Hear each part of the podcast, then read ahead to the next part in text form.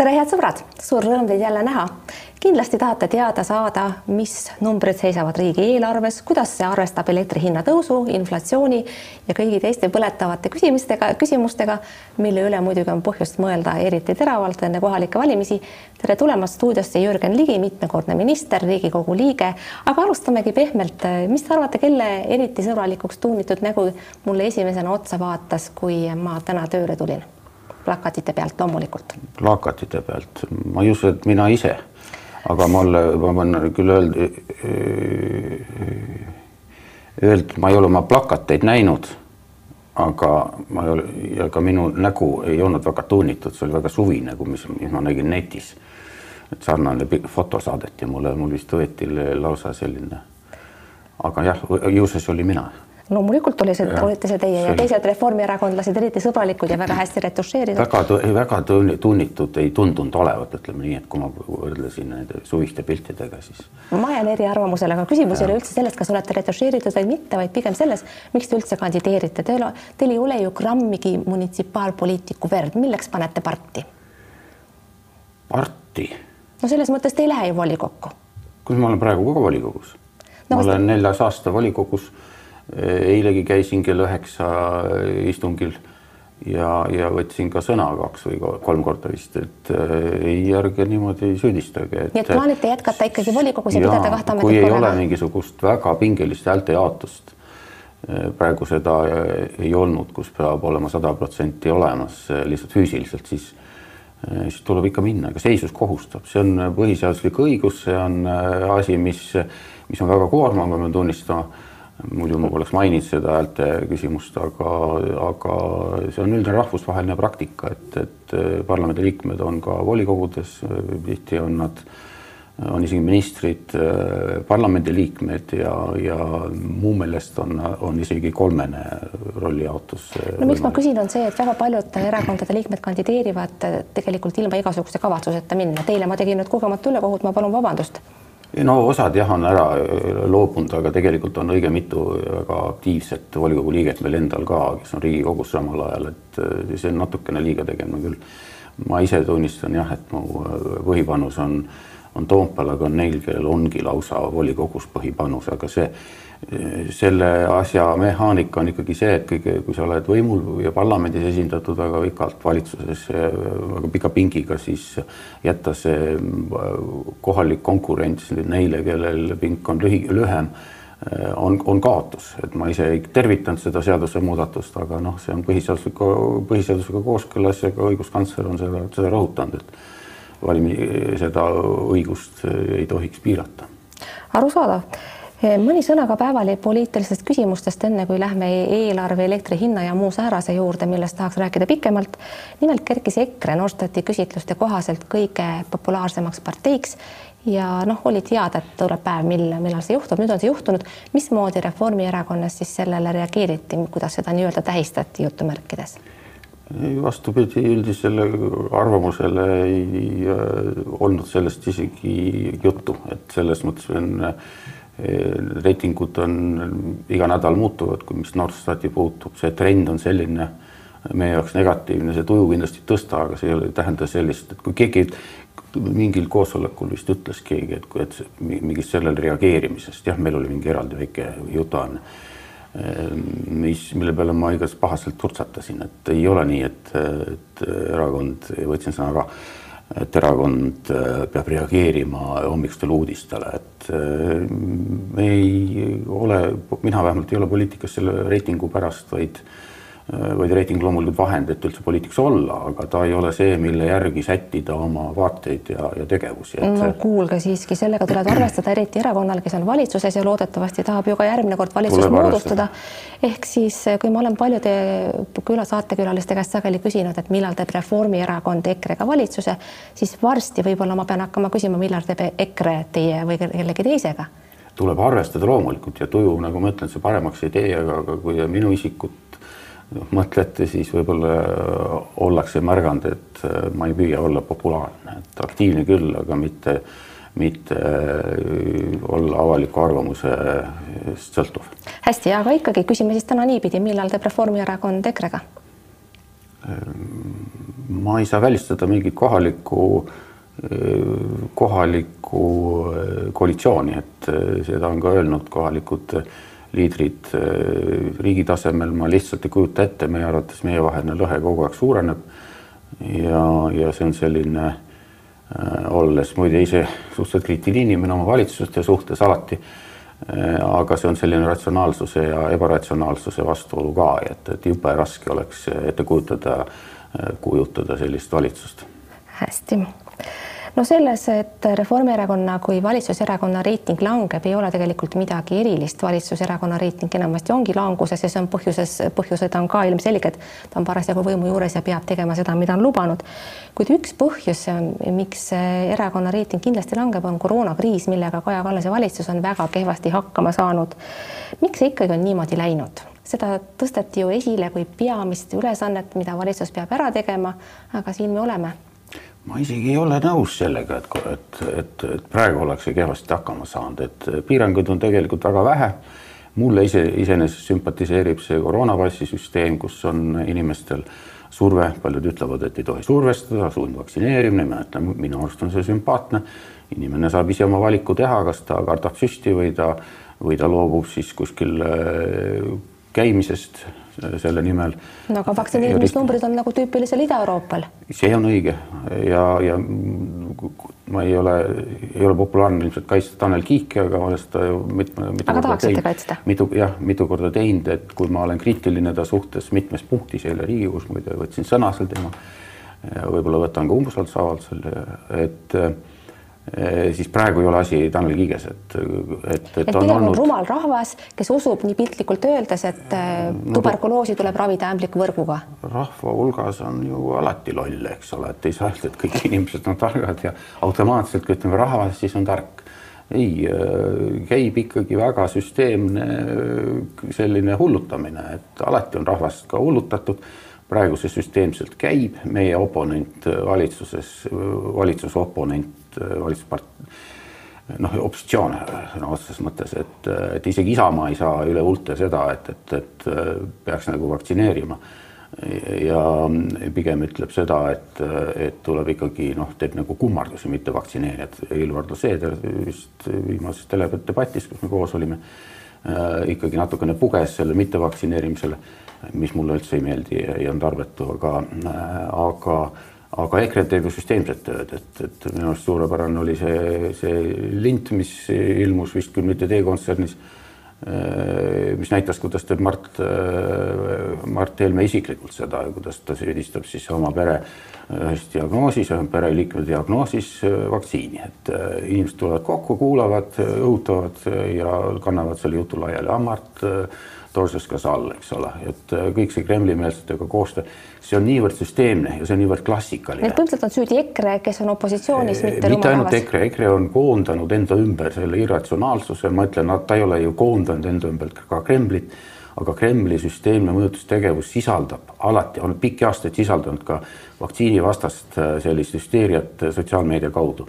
ja see, need on, see on asi, mida ma oma otsese praeguse positsiooni kaudu äh, seal julgeolekuasutuse järelevalve komisjonis äh, ma saan selle kohta otse infot, et, et ei ole selle, see ei ole mingisugune väljamõeldis. hästi, Jürgen Ligi, aga mitte vaktsiinidest ei tahtnud ma teiega rääkida, vaid hoopis eelarvest, mis anti siis teatavasti eile valitsuse poolt üle. Kuid mulle tuli selle üleandmise faktiga seoses meelde kohe see Riigikontrolli viide eelmise eelarve kohta mis teatavasti siis oli vigane, noh, mitte nüüd päris algusest lõpuni, aga ikkagi suurusjärkude võrra pandud mööda. ja ma ei ole ausalt öeldes siiamaani aru saanud, kuidas on võimalik, et valitsusest selline dokument välja läheb suurte vigadega, et rahandusminister endine ütleb, et ametnikud on süüdi, aga ometi on veel kuskil Riigikogu, kes peaks ka nagu aru saama, et on tekkinud olukord, kus ei rahandusminister, ei ministeerium, ei valitsus, ei Riigikogu taipa, et suured vead on sees, kuidas see võimalik on, kas teie olete aru saanud?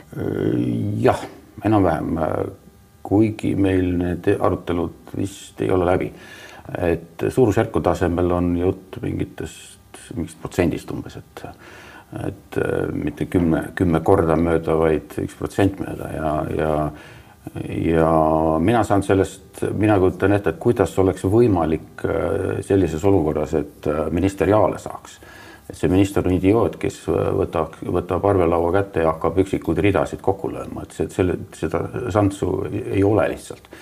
ja, ja sellise. ma saan aru, te kaitsete praegu Martin Helmet, jah? Ei, Martin Helmet ma kindlasti kaitseks, kui Martin Helme äh, hakkaks neid äh, lööma, siis ta saaks lihtsalt vale tulemuse, sest ta matemaatikat ei oska, ta on ise seda tunnistanud. aga et said ametnikud valetunnistuse, siin on kaks põhjust. üks on äh, protsessis endas, viimasel hetkel antakse ametnikele väga suured ülesanded ja nad selle asemel, et oleks IT-arendused tehtud, peavad nad midagi sinna lisama käsitsi. Ja seal tekkisid liitmisvead algne arvamus, et kõik on õige, et inimesed teavad, palju neil raha, nii palju kui mina, nii palju kui praegu on informatsiooni. aga need, need mingisugused koondsummad on nihkes, mis kõige tähtsam on minu jaoks, et, et, et see üldine eelarve tasakaal sellepärast halvem ei ole, kuigi tundus, et tulud on, tulud on suuremad ja kulud on väiksemalt näidatud, aga see on ainult liitmisviga ühesuunaline. Ja mis on nüüd noh, kui rääkida aga sellest siis... ma küll üldse ei saa aru, kuidas saab tasakaal iseenesest olla tähtsam kui see, et numbrid oleksid õiged numbrid on, numbrid on, numbrid, ei no eelarve, kõige tähtsam asi eelarves on ikkagi eelarve tervis, et ta oleks, et ta oleks jätkusuutlik ja eh, tühja neist üksikutest summadest. üksikud summad on ka õiged, aga nende üksikute summade, üksikute summade summa kuskil eh, tabeli lõpus, ega ma ei ole näpuga neid järgi ajanud aga, aga oleme seda lasknud endale seletada, on läinud vigaseks, sest on olnud käsitöö. üks asi on see, üks asi on see kiire protsess viimasele lõpule, üks on IT-arenduste äh, puudumine selleks, et see keeruline uus, uus siis äh, eelarvesüsteem äh, toimiks ja, ja, ja kolmas, mis minu arvates nagu äh, Äh, kui, kui õel edasi olla, mida ma kindlasti sisimas olen palju rohkem välja näitan, siis minu arust on, minu arust on laastatud ametnikkonda, on demotiveeritud ja on, on häid inimesi ära aetud, et selles mõttes on on see olnud üsna keeruline paar aastat, tegelikult nii et ametnikkonna kvaliteet on suuresti ka põhjus, miks need vead sees on. minu arust seda... ametnikkonna järjepidevus on katkenud, et noh, viimasena läks kantsler, kes oli üli noh, tööloom võiks nii öelda, aga. kelle, missugusest kantslerist me konkreetselt räägime praegu? Veiko Talist praegu ta, aga, aga enne seda noh, minuaegne, mul oli noh, täis usaldus, ütleme nii, oma asekantsleri vastu selles valdkonnas, eelarve asekantsleri suhtes. praegu ma enam ei taju, et kui hea see, see tiim on, ise ei ole ei ole sellel tasemel koostööd teinud nende inimestega, mõni inimene teeb esimest või teist aastat. mis tähendab, tegelikult ja, ei ja, välista sisuliselt ka seda, et ka praegune värske eelarve on sisuliselt umbluud täis no,. ja et see hoiak või hoiatus tuli, see minu arust oli ikkagi enne Riigikontroll, et Riigikontroll tihti tagantjärgi fikseerib selle, mida, mis on juba avastatud. nii palju ma sain, sain ka asjast aru. aga ma jah, näen, et noorukesed, mida ma olen, noh, ministrina alati vaatasin, et ühe-kahe inimese äh, sisuliselt, kui rääkisime mingist tohutust riigiaparaadist, siis sellised väga võtmeasjad on ühe-kahe inimese õlal, kes teavad kõike justkui ja leiavad kõik. nüüd on need inimesed vahetunud ja uus jällegi väga tubli äh, noor daam, aga, aga ta on nii noor ja ma näen, kui raske on, kui hakata talt detaili, kuidas ta ühtpidi on äh, tohutult tark, aga vaat siis, kui ta hetkel ütleb, ma pean seda otsima kuidas ka noh, need poliitikud tulevad kallale, et issand, uskumatu, ta ei teagi seda.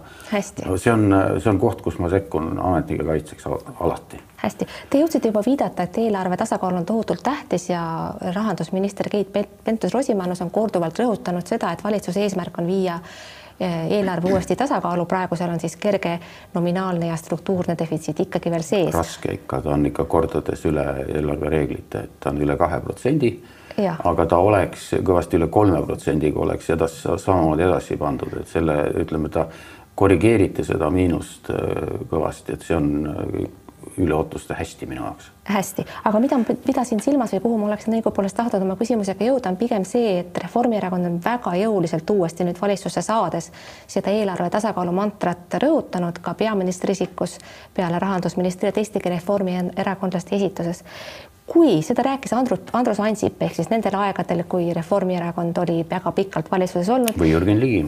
Või ka Jürgen Ligi, siis ma pigem kaldusin seda nagu uskuma, aga nüüd, kus on Kaja Kallase valitsus, terve Euroopa laristab, raha on kõigil palju, Ameerika riigivõlg ulatub niikuinii maalt kuuni ja tagasi, kõik elavad hästi, elavad nüüd ja praegu, siis meil järsku on ikka seesama eelarve tasakaal justkui mingi püha lehm. et andke andeks, ma nüüd enam ei usu, ei tea, kas olen läinud äh, vanemaks ja targemaks või olen ma hakanud siis ka uskuma neid kes räägivad, et eelarve tasakaalust ei peaks nii väga kinni hoidma, me näeme, muu maailm seda nii väga ei tee, ka mitte Euroopas. kuidas siis järsku on niimoodi, et meie oleme jälle kõige targemad selles asjas? targemaks kindlasti ei ole läinud, kui selline muutus on tekkinud. tegelikult me tegime ju enda eelarve aastat sassi lähe kahekümnendal aastal, selle aasta eelarve kõige suuremas miinuses Euroopas.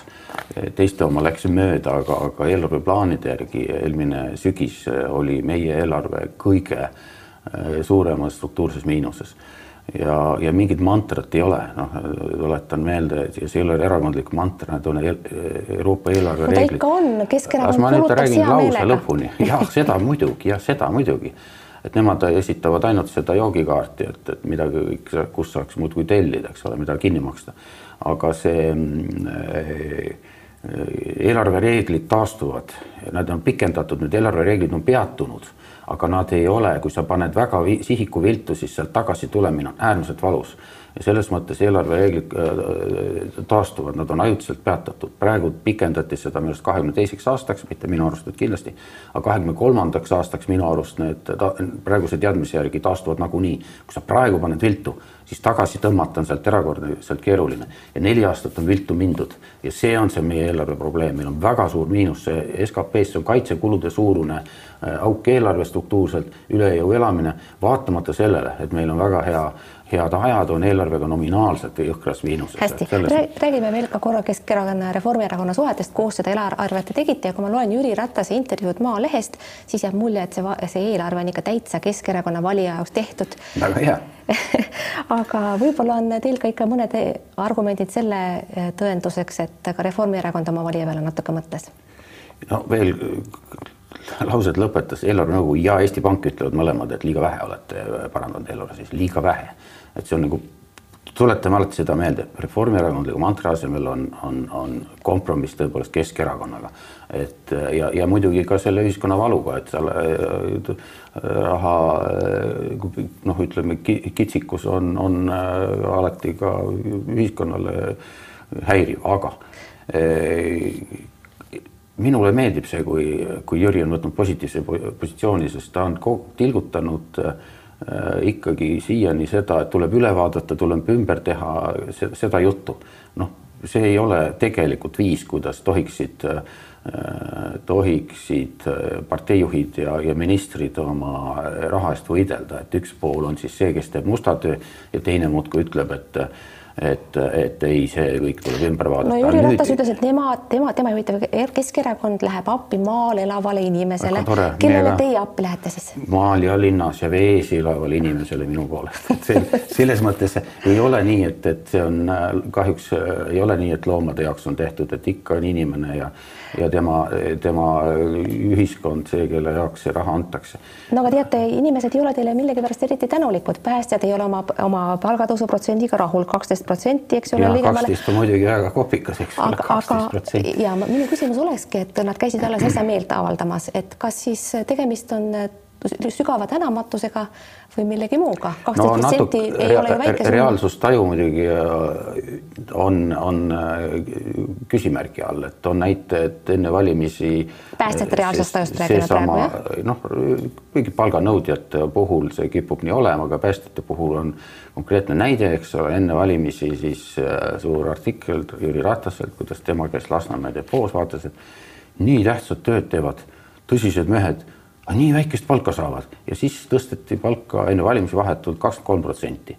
selline hüpe ei saa olla jätkusuutlik ja juhtuski edasi äh, oli null, ühesõnaga nelja aasta, nelja aasta selles oli kohe ühe korra enne valimist tõsteti ära, siis külmutati. sama, peaaegu sarnane asi juhtus ju õpetajatega. aga ma just tahtsingi õpetajate juurde jõuda, ma sain aru, et päästjate reaalsustaju on nihkes, aga õpetajad, kes ähvardavad kastreigiga, neil on seitse koma kolm protsenti, neil on, kuidas nende aga ma tahtsin sellele lõpetada, et ega kakskümmend kolm on tore asi, aga ega sellepärast pikett ei kadunud. reaalsustaju on selles mõttes, et kui sul juba antakse, tullakse sulle vastu, et mis sa piketeerid, me ikka pidime pidime tööle minema läbi piketi, saamata kuidagi seda asja enam mõjutadagi oota, aga kuidas siis, ma saan aru, päästjate reaalsest tajuga, kuidas õpetajatega on? no see on ametiühingu äh, loomulikult missioon nõuda aina rohkem ja rohkem, reaalsustaju on see, et tehakse, et kõik ametiühingud nii ei käitu. õpetajad on selles mõttes muidugi palju äh, äh, rahvas ja, ja nende palk tõuseb järgmine aasta äh, väga suurte ponnistuste tulemusena, aga minu arust väga õilsate ponnistuste tulemusena siiski kiiremini kui keskmine palk, et nende, nad jõuavad tagasi sinna, kus siis selle ülepingutuse tulemusena, kus nad kukkusid alla keskmise palga, mis on väga hull, me oleme ju kogu aeg rääkinud saja kahekümnest protsendist, nii et et tegelikult selleks kõige strateegilisemad otsused meeldivad mulle, meeldivad mulle rohkem, et õpetajate palga siis sellest langusest saadi kinni et, et teadusrahastus üks protsent, aga paljude asjade suhtes ma olen pigem mures, et väga lõdva käega tegelikult mindi lõpus tegema kompromissi, ainus, mis siis, mis siis hästi on, et, et üldpilt sellega siiski paranes oluliselt, et üldpilt on, on ilusam, kui ta oli siis eelmise valitsuse kah kärpeplaanide puhul, et kui eile aeti siin mingit täielikku no kärbetega, kärbetega oli selline lugu, et tegelikult ajasite ju defitsiidikärbet, see ei ole kär-, see on põhimõtteliselt mm -hmm. defitsiidikärbe, see ei ole nii, et inimeste või reeglina ei ole see mitte summade vähendamine, et küll summad kogu aeg kasvavad ja, ja, ja, ja neid riike, kellel nii kasvavad, on ikka väga vähe, eks ole aga, aga defitsiit jah. aga räägime ka kärbetest, mis olid kõne all juba kevadel, kui kõik aeti tagajalgadele, kõik ministeeriumid nende kärbetega, mis pidid tulema, siis selgus majanduskasv on oodatust natuke parem, üheksa koma kolm, kui ma nüüd ei eksi peast, lausa sellel aastal lõhnab lausa buumi järele. et miks seda riigieelarve strateegiat tehes äh, selline inimeste sihilik närv ja segadusse ajamine üldse toimub? praegu selgus ju, et kärped on natukene väiksemad, äkki tehaksegi selleks, et, et siis teile tunduks tagantjärele inimestele, et saavad hoopis juurde või kärped on väiksemad miks selline segadus saamine toimub? ajamist ei saa ükski valitsus endale lubada, ta kahjuks lubab endale, iga valitsus lubab endale ülearuseid kompromisse ja pigem teeb vähem kui rohkem, mis puudutab äh, eelarve seisu ja praegu minu jaoks ma kartsin hullemat, et mul tegelikult hing on rahul, et selle üldseisukoha suhtes. Aga kevadel jällegi, et äh, kahju öelda, aga meie eelarveprobleemid on struktuursed, need ei sõltu konjunktuurist. see, et, et tuli parem, äh, suurem inflatsioon ja parem majanduskasv, majandus põrkas üles, pluss inflatsioon põrkas üles, ei muuda seda struktuurset sisu automaatselt, seal on mingid nihked toimuvad seal, aga põhimõtteliselt selleks on vaja ikkagi pingutada, mingisugused kulud vaos hoida mingisugused asjad asendada mingis, mingisugused asjad ümber tõsta, et kui ei ole nii, et sa laod ainult uue kulu eelmisel otsa, mõni asi tuleb teha mõne asja asemel. inflatsiooni juurde tahakski jõuda juba ringiga või, või siis ka otsesemat teed. võib-olla tuleks tõsta ka näiteks riigikogulaste palka, millele Mide viitas ka Kersti Kaljulaid. näiteks Jüri Ratas, vaeseke peseb juba öösel pesu, kuidas teiega lugu on, ilmselt ei tule palgaga toime äkki teie ka juba pesete öösiti? jällegi ma tean, et nüüd on hea narrida Jüri Ratast, aga ma narriks mõnel hoopis teistel juhtudel, et kui ta tõesti tunnistas või kui ta tõesti võttis endale selle kokkuhoiu aspekti rääkida, siis see on tegelikult midagi väga moraalset, ma tean, et see on ärritav et tema palga juures rääkida kokkuhoiust, inimesed saavad tigedaks, aga noh, vast tema valijad ka nagu andestavad talle, et ta üldiselt on ju nii-öelda püha, mitte see Samu Lehm, püha härg peaks ütlema et, et temale ei jää külge see, aga ta püüdis seletada seda, mis meid kõiki ees ootab tegelikult, energiasääst ja energia äh, asendus alternatiivenergiatega, et see oli tegelikult ilus, et me ei või, et ta ei rääkinud sel korral, et elektri hinda tuleb alandada, nagu räägib üks teine mees, ka aga, populaarne. aga vot sinna tegelikult tahakski jõuda ja nüüd jälle juba kõrvale jättes et äh, praegu väga paljud ajalehed ja inimestest rääkimata väljendavad seisukohta, et valitsus peaks elektri hinna suhtes midagi ette võtma. midagi ette võtma. jah, midagigi, kuid mulle tundub, et see ettekujutus nagu saaks valitsus elektri hinda kuidagi korrigeerida, pehmelt öeldes pisut naiivne, kindlasti on see turumajanduse tegelikkust eitav. kuidas teile tundub, kas need ootused valitsuse suhtes on üldse kuidagi õigustatud, et saaks midagi teha? kohe teiega nõus, aga ma ei taha selles mõttes pugeda, et me, siin hakkame, hakkame kokku leppima milleski. no seda saab tõesti meil kunagi juhtuda. võtan selle tagasi, et, et ei ole ikka, ei ole nõus, aga aga mis mina kirjutasin oma listi, et mind õudselt ärritas nüüd see jutt, üks asi jah, hinna, hinda ei saa muuta. hind on, tuleb gaas, kivisesi kolmekordistunud, tuuleenergiat ja kõike seda ei ole piisavalt tehtud, aatomielektrijaamad Saksamaal on kinni pandud, mis on tohutu energiadefitsiit, investeeringute pikaajaline defitsiit pluss väga odav elektri hind oli see, et, et mitte ainult poliitilised otsused, vaid ka see, et odava elektri hinna tõttu äh, ei investeeritud Euroopas. Ja see on probleem. Nüüd no meil tuleb asjad ju palju paremini. ja nüüd tuleb hinnata, me ise ka investeerisime muide, ma olin rahandusminister, see Auvere oli iga, igaks juhuks tehtud jaam, et kuigi oli teada, et CO2-ga tuleb meil jama, me igaks juhuks tegime ta ära kaks tuhat kaksteist. Ja ja et ühesõnaga hinda ennast me ei, tegelikult ei tohi näppida, samamoodi me ei tohi tegelikult näppida taastuvenergia tasu. et see on asi, mis taastuvenergiale äh, seda nagu võimalust loob ja, ja, ja mida me ka ei tohi näppida, see pealkiri ütleb, et kompenseerime hinnatõusu. ja no Kaja Kallas ütles, et see kompenseerimine peaks käima niimoodi, et kes jäävad hädasse, lähevad ja paluvad seda toimetulekutoetust. aga miks teie peaminister sellist asja räägib? toimetulekutoetus ei ole ju mõeldud elektri hinna kompenseerimiseks. enamik, kes hätta jäävad, ei saagi minna seda ei küsima. ei tohigi kompenseerida. miks te ei seleta Kaja Kallasele, miks te lubate tal sellist rumalust rääkida? ei noh, mina ei pane talle sõnu suhu, küllap ta seda rumalust ei rääkinud, mulle tundub. no mis ta ei ta... rääkinud, ma ju viitan, ta luge-, rääkis rääkis niimoodi? E, kompenseerimine ei ole nii, et me konkreetse kauba hinna maksame kinni, vaid e, kompenseerimine on seda, saab seda leevendada, seda probleemi nõrgemate jaoks, aga üldiselt me peame ikkagi võrdlema oma tulusid ja elukallidust, mitte ühe hinna, ühega e, siis energia hinna kallidust, et see on, ta on vastik asi, ta jõuab igale poole, aga kokkuvõttes me peame hindama, kas me oleme vaesemaks jäänud tegelikult me ei ole, et see on, see on äh, vähestel, kellel elektri hind nagu tõesti äh, vähendab äh, vähendab reaaltulusid. aga samas on... see aktsiiside e-, e-, tõusu edasilükkamine, see on tegelikult ka ikkagi teataval viisil populistlik samm. see toimib eeldusel, et inflatsioon justkui peaks lähiaastatel järele andma, aga kui ei anna, siis tegelikult me lükkame või mis meie, teie lükkate selle, selle õnnetuse inimeste kaela lihtsalt natukene hiljemaks ja see toimub varem või hiljem niikuinii. miks te seda tegite? mina ei hääleta selle poolt, minu arust on see ebamoraalne samm aktsiiside tõst-, tõusu edasilükkamine on ebamoraalne samm? diisli subsideerimine sisuliselt, et äh, see ebavõrdsus bensiiniga, teiseks ega Teie hääletate selle vastu? ei, ma ei tea, kas ma vastu hääletan, et valitsuse, valitsuse ka eriarvamusi tingimata ei panda punasega, aga noh, ma teen aga te olete selle vastu, aga hääletate poolt? ei, ma jätan tihti hääletamata, aga ma ütlen, ma olen avalikult väga palju seda öelnud, et ma ei toeta seda, ma käisin avalikul debatil kütuse Äh, äri avalikul debatil olin üksi terve saali ja paneeliga. aga vastuhääletamist ei saa endale lubada, jah? ei, ma saan lubada, ma olen kõige eristuvam hääletuste poolt Riigikogu saadik, on keegi vist Päevalehe kontsernist on teinud mingi analüüsi et ei, ei, selles ei ole, et ma ei saa, ma lihtsalt, ma lihtsalt pean kaaluma seda, et kas see järk-järguline tõus ei ole, ei ole piisav kompromiss ka minu jaoks, et ma ei pane päris punast, et see on parem kui lihtsalt edasilükkamine.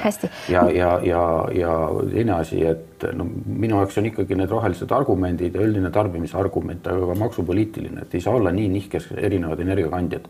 Et, et ostke diiselautosid, tegelikult ju diiselautode lõpp on, on, on näha, autotootjad enam ei arenda neid ja nüüd Hästi. me ise siis äh, subsideerime seda spetsiaalselt mingisuguse väga õrg, õrnade argumentidega ja, ja, ja noh, see, see vale nagu see ei maksa ka eelarvele midagi, see on vale. on kallis. ma tahaksin rääkida veel ühest teisest valest, nimelt katuserahadest. ma tean, et äh, Reformierakond on ju ajalooliselt olnud nende vastu, neid olete kritiseerinud ja nüüd, mis pagana päralt, nad ikkagi jäävad alles. Kaja Kallas ütleb, et nad muutuvad kuidagi teistsuguseks, läbipaistvamaks, aga no sorry, ma tõesti ei usu. miks sellist jama aetakse meile? minu etteheide on, et et äh, valitsusliikmed äh, keelduvad ütlemast seda, mis me, mis on tegelikkus, et me esimese asjana teeme taas ettepaneku need asjad lõpetada. ma olen seda teinud. no aga teie erakond ei tee seda ettepanekut, Kaja Kallas on öelnud, nad jäävad, aga muutuvad läbipaistvamaks. ei, ta ei öelnud seda välja, ta teab vastust lihtsalt juba, kui ta läks seda kommenteerima ja ta ei taha vastanduda ilmselt valitsuse sees aga nii nagu olen paljude asjadega olnud järjepidev, olen ka selles, me ei ole mitu aastat ei ole ka fraktsioon neid ju võtnud, eks ole. praegu me ei ole veel otsustanud, kas me üldse võtame, mina näiteks ei võta, ütlen jällegi. mina olen Kaja Kallas jutustanud väga selgesti aru, et Reformierakond ikkagi läheb ei, selle peale. tema ei ole fraktsiooni liige ja erakond on, koosneb eri osadest aga ta ei taha, ta ei taha, ta ilmselgelt, ta püüab hoida diplomaatilist joont koalitsiooni sees, kui koalitsioonipartner ütleb, et see on maailma kõige läbipaistvam raha no see on sisuliselt ju häälte ostmine. no mina olen seda nimetanud ka korruptsiooniks ja varguseks no,, väga läbipaistev minu jaoks, ongi otsene enda kasuks raha võtmine. okei okay,, see on teie tihti. seisukoht, aga mis siis Reformierakonna ametlik seisukoht on?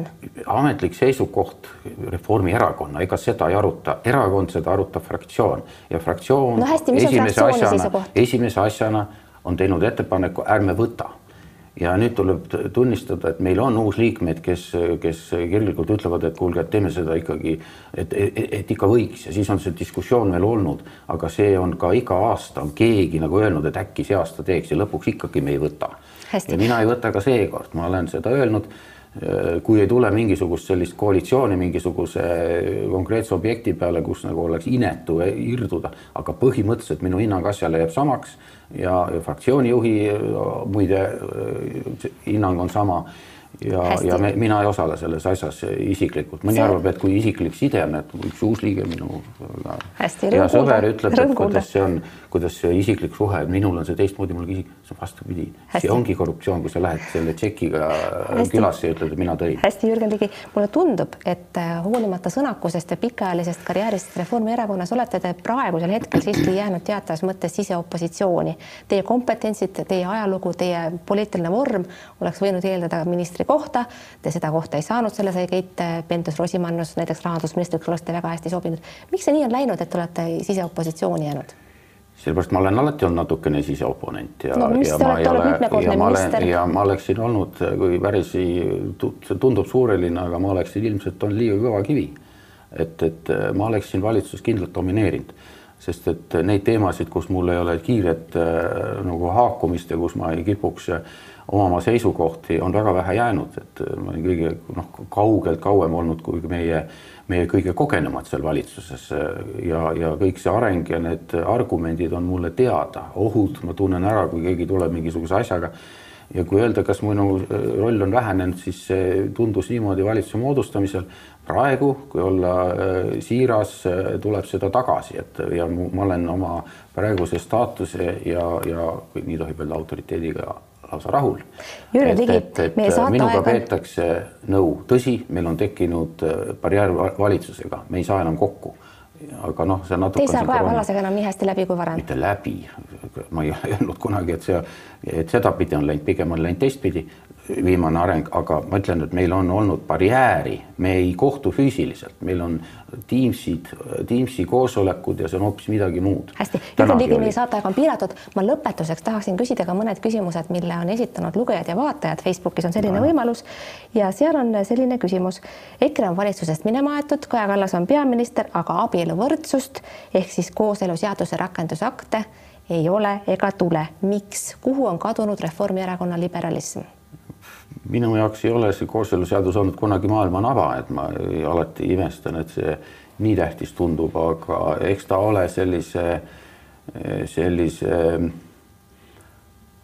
natuke poliitilise konjunktuuri küsimus, et meil on äh, toimunud äh, korduv ja väga, äh, väga ruineeriv parlamendi tegevuse peatamine, et me seda sõda ja peale selle ka ühiskonnas me seda sõda ühiskonnas tegelikult nii väga ei taha, et see, kuigi meie seisukoht on, on, on pooldav, on see äärmiselt polariseeriv, ma muide Alar Karise nendest esimestest vastustest noppisin positiivsena välja selle, kui ta ütles, et vist fraktsioonis siiski ainult, et, et tema arust ei ole see nagu seda, seda või oli see hoopis ai, see no, oli hoopis Soomere, et ei, ei ole seda sõda väärt, et umbes niimoodi vastas praegu Olgu. et üks presidendikandidaat meile ütles ja ma tundsin, et see on nagu paras vastus täpselt, kuigi mõni teine vastus hästi, ei olnud paras. hästi, kaks viimast küsimust veel ka lugejatelt ja vaatajatelt.